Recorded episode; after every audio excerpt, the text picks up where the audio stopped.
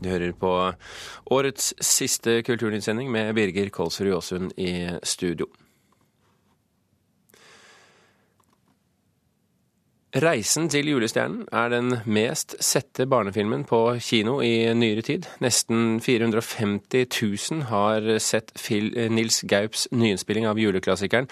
Dermed bidrar filmen til å pynte på et ellers svakt norsk kinoår.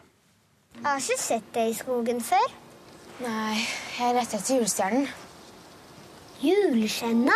Jeg syns det er veldig, synes det er fantastisk. Det er veldig, veldig godt å vite. Og det inspirerer til å jobbe mer på barn. Det gjør det. Nils Gaup er i hundre over at hans film 'Reisen til julestjernen' knuser alle kinorekorder, og nå er den mest sette norske barnefilm i nyere tid. Jeg er blitt veldig inspirert nå i hvert fall. Jeg syns det, det, morsomste er å se film sammen med masse barn. Og se, hvordan, se at de, de, gleder seg, og at de, at de, trives i det universet man lager. Det er en stor inspirasjon. Jeg har lett etter julestjernen i ni år, jeg, Sonja. Jeg har prøvd alt. Nesten 450 000 solgte billetter betyr hyppig autografskrivning for Gaup. Jeg burde vite det. Jeg er Mona. Og Elise. Elise. Men de ivrige autografjegerne forteller om få norske barnefilmer av interesse i år. Ja, jeg har ikke sett så mange norske. De fleste er fra Disney og Pixar, da, men Kon-Tiki var den siste vi så. Kon-Tiki. Kon-Tiki så vi. Mm. Det var jo kanskje ikke barnefilm, men vi så på den nå. Tok med alle ungene. Så vi på Kon-Tiki. Nye norske barnefilmer er helt avgjørende for gode besøkstall på kinoene. Og ferske tall fra bransjeforeningen Film og Kino viser en skarp tilbakegang i billettsalget til norske filmer i 2012. Mener Gaup det lages nok barnefilm her til lands? Jeg syns ikke det. Konkurransen er knallhard, fra, spesielt fra animasjonsindustrien i USA. Og det er vanskelig, veldig vanskelig å ta opp konkurranse med dem, men, men det bør vi jo gjøre. Ivar? Ja, hei. Og mannen som tar opp denne konkurransen er Ivar Køhn, avdelingsdirektør på utvikling og produksjon på Norsk Filminstitutt. Ja, 2012-kinoåret har vært omtrent som forventa. Vi sa for et år siden at det kom til å bli et mellomår, og det har det jo egentlig blitt. Omtrent en halv million færre solgte billetter til norske kinofilmer i 2012 utgjør altså et mellomår, ifølge Norsk Filminstitutt.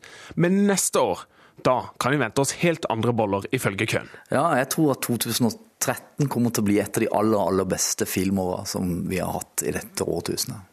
Det blir veldig spennende både nå med Pelle politibil som kommer, det blir spennende med Alfons Aaberg som, som, ser veldig bra ut. Og ikke minst så blir det jo veldig spennende til jul når vi får en ny ordentlig dykkefilm igjen, som ikke vi har hatt på mange mange år gjennom Flåklypa og Juli, Juli Flåklypa. Bjørn.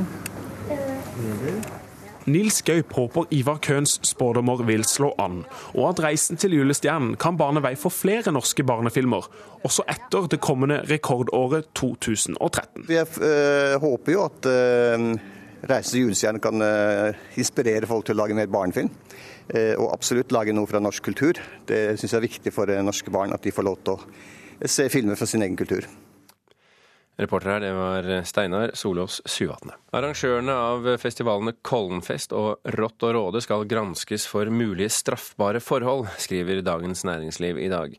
Søsterselskapene Air Oslo og Air Stavanger, som drev festivalene, gikk begge konkurs i fjor, og bostyrene mener det kan være grunn at det kan være pga. uforsvarlig finansiering. Dersom arrangørene blir holdt ansvarlig, kan de få erstatningskrav og konkurskarantene mot seg, i tillegg til millionkravene de allerede møter fra kreditorer. Det franske satiremagasinet Charlie Hebdo skal gi ut en biografi om profeten Mohammed.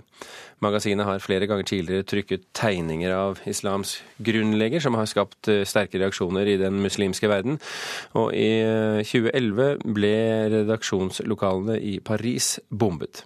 Tegneseriebiografien om Mohammed skal bygge på grundig research og vil være pedagogisk tilrettelagt, opplyser forlaget. Musiker Elbjørg Raknes trekker seg fra musikkfagutvalget i Kulturrådet. Dagbladet har de siste ukene hatt flere kritiske oppslag om habiliteten til medlemmer i Kulturrådets utvalg. Raknes er en av flere navngitte personer, bl.a. fordi hun har fått midler samtidig som hun, har, som hun satt i utvalget som fordeler pengene. På bloggen sin skriver Raknes at den negative oppmerksomheten gjør at hun nå trekker seg. Det er på tide å oppsummere kunståret i Norge for 2012, og til det har vi fått med oss vår eh, faste kunstanmelder Mona Palle Bjerke og en eh, gjest, Mona Gjessing fra Klassekampen. Velkommen begge to. Tusen takk. Hvis vi skal si noe eh, kort om eh, kunståret først, eh, Bjerke. Eh, har det vært et bra kunstår i Norge? Jeg syns det begynte litt tamt, men så har det da tatt seg opp eh, utover høsten. Er det noe du deler, Gjessing? Ja, Jeg syns det har vært veldig mange bra utstillinger gjennom hele året, jeg. Så god grunn til å være fornøyd så langt? Veldig fornøyd. Hvis vi går på, hvis vi går på høydepunktene, Gjessing, hva vil du trekke spesielt frem hvis vi holder oss til våren først, da? Ja, Det klare høydepunktet for meg på våren var den store Ai Weiwei-utstillingen på Kistefossmuseet. De har én utstilling per år, og de klarer da å stable på beina en omfattende presentasjon av den politiske aktivisten Ai Weiwei. og den det var en utstilling som gjorde veldig veldig stort inntrykk, for det er én mann som står opp på vegne av én milliard mennesker. og Det var for ytringsfriheten. Det var en veldig sterk og fin utstilling. Bjerke, hva var våren for deg? Ja, jeg, jeg, må stille meg bak det. Jeg syns det var en helt fantastisk utstilling på Kistefoss. Men jeg var også veldig veldig fascinert av samarbeidet mellom Bjarne Melgaard og Sverre Bjertnæs. De hadde da malt over en lengre periode og tegnet på samme lerreter. Og det var virkelig en opplevelse av to svært ulike, men mektige eh, kunstneriske universer som støtte sammen. Noen ganger ble det da sømløse overganger mellom de to uttrykkene, andre ganger oppsto det dissonanser. Og dette var, jeg syns dette var også Melgaard på det beste på veldig lenge. Og det var en veldig morsom utstilling som jeg tok med meg lang tid etterpå. Eh, ja, jeg må trekke frem den utstillingen som var på Munch-museet helt i begynnelsen av året i januar. 'Fornemmelse for snø'. Det synes jeg var en, Der hadde jeg mange fine opplevelser. Og det var en veldig sånn tidsriktig, årstidsmessig utstilling. Veldig frisk og fin og innadvendt på samme tid. Jeg er jeg virkelig helt uenig med deg, det må ja, det jeg bare si. Jeg. Ja, for det syns jeg var en uvanlig svak eh, utstilling. Sånn rent, Selvfølgelig, dette er Munch, så det er jo masse fantastiske arbeider, men rent sånn eh, utstillingskonseptet var jo så svakt. Dette var en helt utvendig tematikk. Det eneste eneste disse arbeidene hadde felles, var at det var snø på bakken, og det holder ganske enkelt ikke. Dere har jo vært og sett en annen utstilling eh, eh sammen, og den heter 'Sammen', og eh, var i eh, Trondheim. Ja, jeg syns det var en utstilling som de klarte å Jeg var ganske skeptisk da jeg dro dit, og tenkte liksom at dette, dette liksom konseptet med sammen og samhold på tvers av etnisitet og landegrenser var litt banalt og ganske en sånn vag ramme. Men jeg syns de klarte å lande det veldig bra gjennom at de hadde valgt gode arbeider som klarte å gi det tydelighet og retning. Så jeg syns det ble en bra utstilling. Men her er du ja, det er jeg helt uenig. Jeg tror ikke vi har vært og sett samme utstilling, kanskje. Jeg vet ikke. Nei, fordi der var det jo sånn Når man kommer inn i museet, så er det jo noen veldig slappe sånne multireligiøse foajémøbler som står der helt sånn intetsigende, etter mitt skjønn. Og hele annen etasje var jo fylt av eh, fotografier av en ukrainsk fotograf som heter Sergej Bratkov. Og det var jo veldig veldig tendensiøst, for han lager en sånn slippery slope mellom en sånn god norsk nasjonalfølelse og hendelsene på Utøya. Så det syns jeg var veldig drøyt. Vi må selvfølgelig også snakke om Nasjonalmuseet når vi nå en gang oppsummerer året. Eh, Mona Palle Bjerke, hva er det der som har grepet fatt i deg? Ja, altså, Nasjonalgalleriet begynte med en veldig rar utstilling, syns jeg. Mer kuriøs enn egentlig interessant, med noen sånne litt halvgode romantiske malerier fra Canada. Ja, Men så kom jo den fine Krog-utstillingen, da. Den var storartet. Den var storartet. Men når det gjelder Krog, så det var det jo en veldig stor utstilling på Lillehammer parallelt. Og den var for meg mye mer spennende, for den tok for seg Krogs sene kunstnerskap. Og den hadde, den hadde mye mer å tilby. Hvis vi går til eh, høsten, da? Ja, høsten eh, har brakt mange høydepunkter, syns jeg. Men jeg hadde lyst til at vi skulle først nevne Museet for samtidskunst eh, ganske kort. Arkitekturmuseet, på, så ikke vi mister eh, helheten. Nei, vi ikke det. Arkitekturmuseet var, de har hatt et veldig godt år, syns jeg. Architecture of Consequence var en kjempeflott utstilling som fokuserte på bærekraft og arkitektur. Og de hadde også Utsikter fra veien, som var en for, fortellingen om suksessprosjektet Nasjonale turistveier og sett mot et historisk bakteppe. Eh, og så er det jo Museet for samtidskunst. Ja, de har vel ikke hatt det helt store året, for å si det sånn. Men de det hadde... begynner å bli noen år siden, kanskje? de har ikke klart å bli den arenaen for samtidskunst som de en gang var, og, og, og helt klart burde vært. Så det er jo, og jeg syns jo I Wish This Was A Song, tematisk utstilling nå på høsten, viser veldig tydelig hvor det skorter. Det er en veldig vag og åpen og liksom altfor rikt favnende utstilling. Ja, Det var jo ikke akkurat temaet som var problemet der. Det var jo at De skulle ha en utstilling som viste hvordan musikken speilet seg i samtidskunsten, og så glemte de rett og slett å tenke på at det var lyd de skulle presentere. Så det var jo en veldig dårlig presentasjon med veldig mye støy i alle rom. Og der mener jeg at det må ha gått på viljen. fordi eh, hvis man dro til, Jeg dro til Bonniers konsthall i Stockholm og så en tilsvarende utstilling. og Der hadde de presentert hvert verk separat, i rekkefølge eller isolert fra hverandre. og Da kunne man jo stå og ha store, sterke opplevelser, mens det var helt umulig på Museet for samtidskunst. Hvis vi ser på kunsthåndverksfeltet, da. Det, har det vært noe å hente for de kunstinteresserte? Ja, vi har jo faktisk helt glemt å nevne Kunstindustrimuseet, og det er jo ganske ille i og med at de hadde den store storsatsingen satsingen hos Nasjonalmuseet i år, og det var jo Kongelige reiser. Og det var jo for en som var opptatt av formgivning, et eventyr av en utstilling. Men det var jo en helt upolemisk, helt ukritisk utstilling. Og det ligger jo litt i sakens natur. Dette var jo en gave fra regjeringen til kongeparet. Og der ligger jo en kjempe, det er et kjempedilemma, ikke sant. For dette er staten som hyller seg selv, den utøvende makt. Så det er ikke noe rom for å bevege på noen av disse mytene. Så dette er en ren eh, presentasjon av grunnmyten om det moderne Norge. Eh, så det, ble en litt, eh, så det viser jo med all mulig tydelighet hvor prekært vi trenger et slottsmuseum, slik at vårt eneste da, nasjonale designmuseum kan være en fri og reflekterende arena. Hvis vi går på eh, hva skal vi si, de viktige hendelsene i kunstfeltet til slutt, altså summerer opp det? Ja, Det er nærliggende nå i hvert fall å nevne oppsigelsen av hele styret i OKA. da. For der har det jo vært en... Noen uker siden? For noen uker siden, ja. Helt i begynnelsen av desember. Men det har jo vært veldig turbulent eh, forhold da mellom Kulturdepartementet og OKA, og så ender det med at hele styret blir sparket. Og Det som er veldig viktig nå fremover i tid, er jo bare at de får eh, finansiert eh, det norske bidraget til Venezia-binalen. Det må det nye styret og Kulturdepartementet bare få satt i gang med en gang. Så må man jo nevne Astrup Fearnley-museet, Renzo Pianos fantastiske Astrup Fearnley-museum, som er blitt et markant landemerke. Og det er et veldig ukonvensjonelt museumsbygg. Skal vi til slutt eh, bare oppsummere dette året knyttet til et nytt Munch-museum? Ja, det er jo en, Når vi snakket om handlekraft og sånn, eh, så er det, de viser jo total mangel på handlekraft, Oslo-politikerne nå, som ikke klarer å bestemme seg for hvilket bygg de skal ha, ikke hvor det skal stå, ingenting. Eh, jeg syns det er veldig veldig pinlig at ikke Oslo-politikerne nå kan bare ta en beslutning og gjennomføre noe. Og inspirert av den fantastiske utstillingen 'Det moderne øyet', som nå henger på Munch-museet, så må vi ta inn over oss den fantastiske arven som vi forvalter etter Edvard Munch. Og man føler jo at man gjentar seg selv og 15 andre når man sier og jeg gjentar også deg, jeg sier at det er ikke bare pinlig, men det er jo så skamfullt. Og nå må man kaste til side både bydelspolitikk og prestisje og få tatt en avgjørelse. Takk til kunstkritikeren vår, Mona Palle Bjerke, og kunstkritiker i Klassekampen, Mona Gjessing.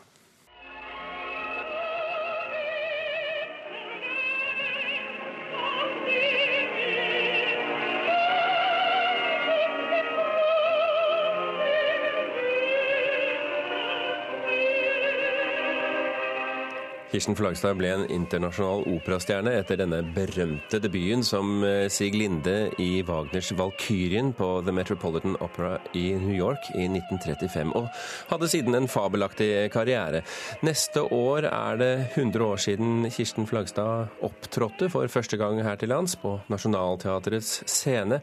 Det skal feires med et eget Flagstad-jubileum. Bjørn Simensen, tidligere operasjef og kunstnerisk leder for Kirsten Flagstad-festivalen, velkommen til Kulturnytt. Takk. Hvordan vil vi merke at Flagstad feires neste år? Ja, Til forskjellige måter. Det skal gis ut en bok, det skal være konserter. En stor friluftskonsert som Hamar kommune, hennes hjemstedskommune, har vært med på å finansiere.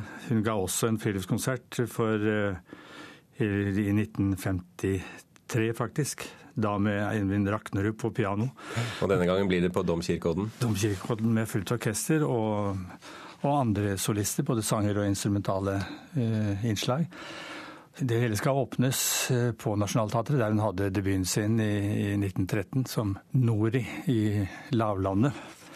Det var jo en, en debut som ga gjenlyd, og som var starten på hennes karriere, som da endte opp eh, som operasjef på Youngstorget. Men det er, det er jo uvanlig at man har et uh, helt jubileum for en debut? Ja, det kan du si. Men hun var faktisk selv uh, mer ivrig på å feire sine sceniske debuter enn sine årstallsdebuter, altså fødselstall osv. Og det, det, er det ene, og det andre er at vi gjør som alle mannskor. At er det et jubileum, så griper vi anledningen. Om det er fem ja. eller ti eller hva det er. For det er for lenge å vente til vi får et eh, mer eh, tradisjonelt jubileum. Og alle, alt av betydning må jo tas vare på og røktes. Så derfor så griper vi denne avdelingen og sørger for å minne det norske folk, og ikke minst musikkelskere, som det er mange av, at uh, hvem Kirsten Flagstad var og, og, hvilken betydning hun hadde. 2013 eh, er jo også året hvor Edvard Munch skal feires med flere nasjonale, uh, nasjonale arrangementer. Er dere redd for å, å stå litt i skyggen av Munch? Nei, tvert imot. Som jeg alltid har sagt når noen konkurrerer, så sier jeg det blir verst for dem. For det, gjelder, ja, det, ja. det gjelder bare å, å, ha programmet klart, så skal vi finne vår plass, vi. Og det er jo andre jubileer som også harmonerer godt med Flagstad, nemlig Verdi og, og Wagner. Eh, Simensen, denne Flagstad-prisen som skal opprettes, den fikk jo hva skal vi kalle det, en litt eh, skjev start. Hva kan du si om den nå? ja, du kan si det. Nei, altså Flagstad er jo faktisk en av de tre eh, eller sammen med Grieg, Ibsen og Munch, de kunstneriske flaggskipene som vi har i, i Norge. Og vi ønsket å, å, markere at der hører flagget hjemme, sammen med de andre ikonene som det også har opprettet priser for, nemlig Abel og Holberg. Fordi Flagstad er like stor i sitt univers som de er i sine. Mm. Og da, Den største i sin tid var Flagstad, den største i vår tid er Domingo. Men jeg fikk dessverre ikke departementet med på den, på den definisjonen. Og bare For å minne lytterne om det, det var altså da du eh, lanserte en pris på 2,5 millioner kroner uten å ha spurt om å få penger. Ja, vi, vi spurt, hadde spurt både én og to flere ganger, så vi hadde hatt en kommunikasjon. Men altså, til slutt så mente de da at Domingo hadde nok penger. Ja. Og det er jo et tynt argument, for Nobelprisen gis jo heller ikke til trengende vitenskapsmenn. Men det hadde altså vært en, en lissepasning til Norge som kulturnasjon til å få markert at Norge har faktisk kulturpersonligheter. Men hva blir det av den nå? Nå blir det eh, holdt på å si tvert om, altså en, en, ikke en life achievement, altså en som har markert opera på verdenskartet gjennom mange år. Men vi gir den til en ny stjerne som er nettopp dukket opp, og som kommer til å prege operaverdenen i årene fremover. Altså en, ikke debutant, men en i den andre enden av havet-skalaen. Bjørn Simensen, uansett lykke til med jubileet neste år, og tusen hjertelig takk for at du kunne komme til Kulturnytt. Takk. Vi rekker eh, i årets siste Kulturnytt-sending å se litt fremover i tid. Titte i krystallkulen og se hva som blir de viktigste trendene innen teknologisk forbruksmateriell og bruken av dem. Og siden jeg er en elendig spåkone, har jeg fått i studio noen som evner å se lenger frem i tid enn meg. Velkommen medieviter Ida Aalen og medieutvikler i NRKs teknologiske sandkasse, NRK Beta, Eirik Solheim. Det er En ting som vi følger nøye med på, er TV-skjermen. Eh, vi venter og venter på at noe ordentlig revolusjonerende skal skje der. Vi hadde sånn 2010-2011, da var det 3D som var det store. 2012 var denne smart-TV-en sitt år på mange måter, men smart-TV-en er ikke helt voksen ennå. Den er ikke brukervennlig nok. Det, det, du kan få internett på TV-skjermen og YouTube og mye greier, men det fungerer ikke helt optimalt. Der, Fortell folk, hva er en smart-TV? En smart-TV er en datamaskin eh, innebygget i TV-apparatet. Du kjøper deg noe som ser ut som et vanlig TV som du henger på veggen, men inni der så er det en liten datamaskin, og så er det internettilgang. Så de kaller den smart eh, fordi de har puttet inn en del nettjenester, og de kommer gjerne med en del sånn kjente nettjenester ferdig innebygget, sånn at du kan få YouTube og en del av disse videotjenestene, Netflix og sånn, på TV-skjermen via fjernkontrollen.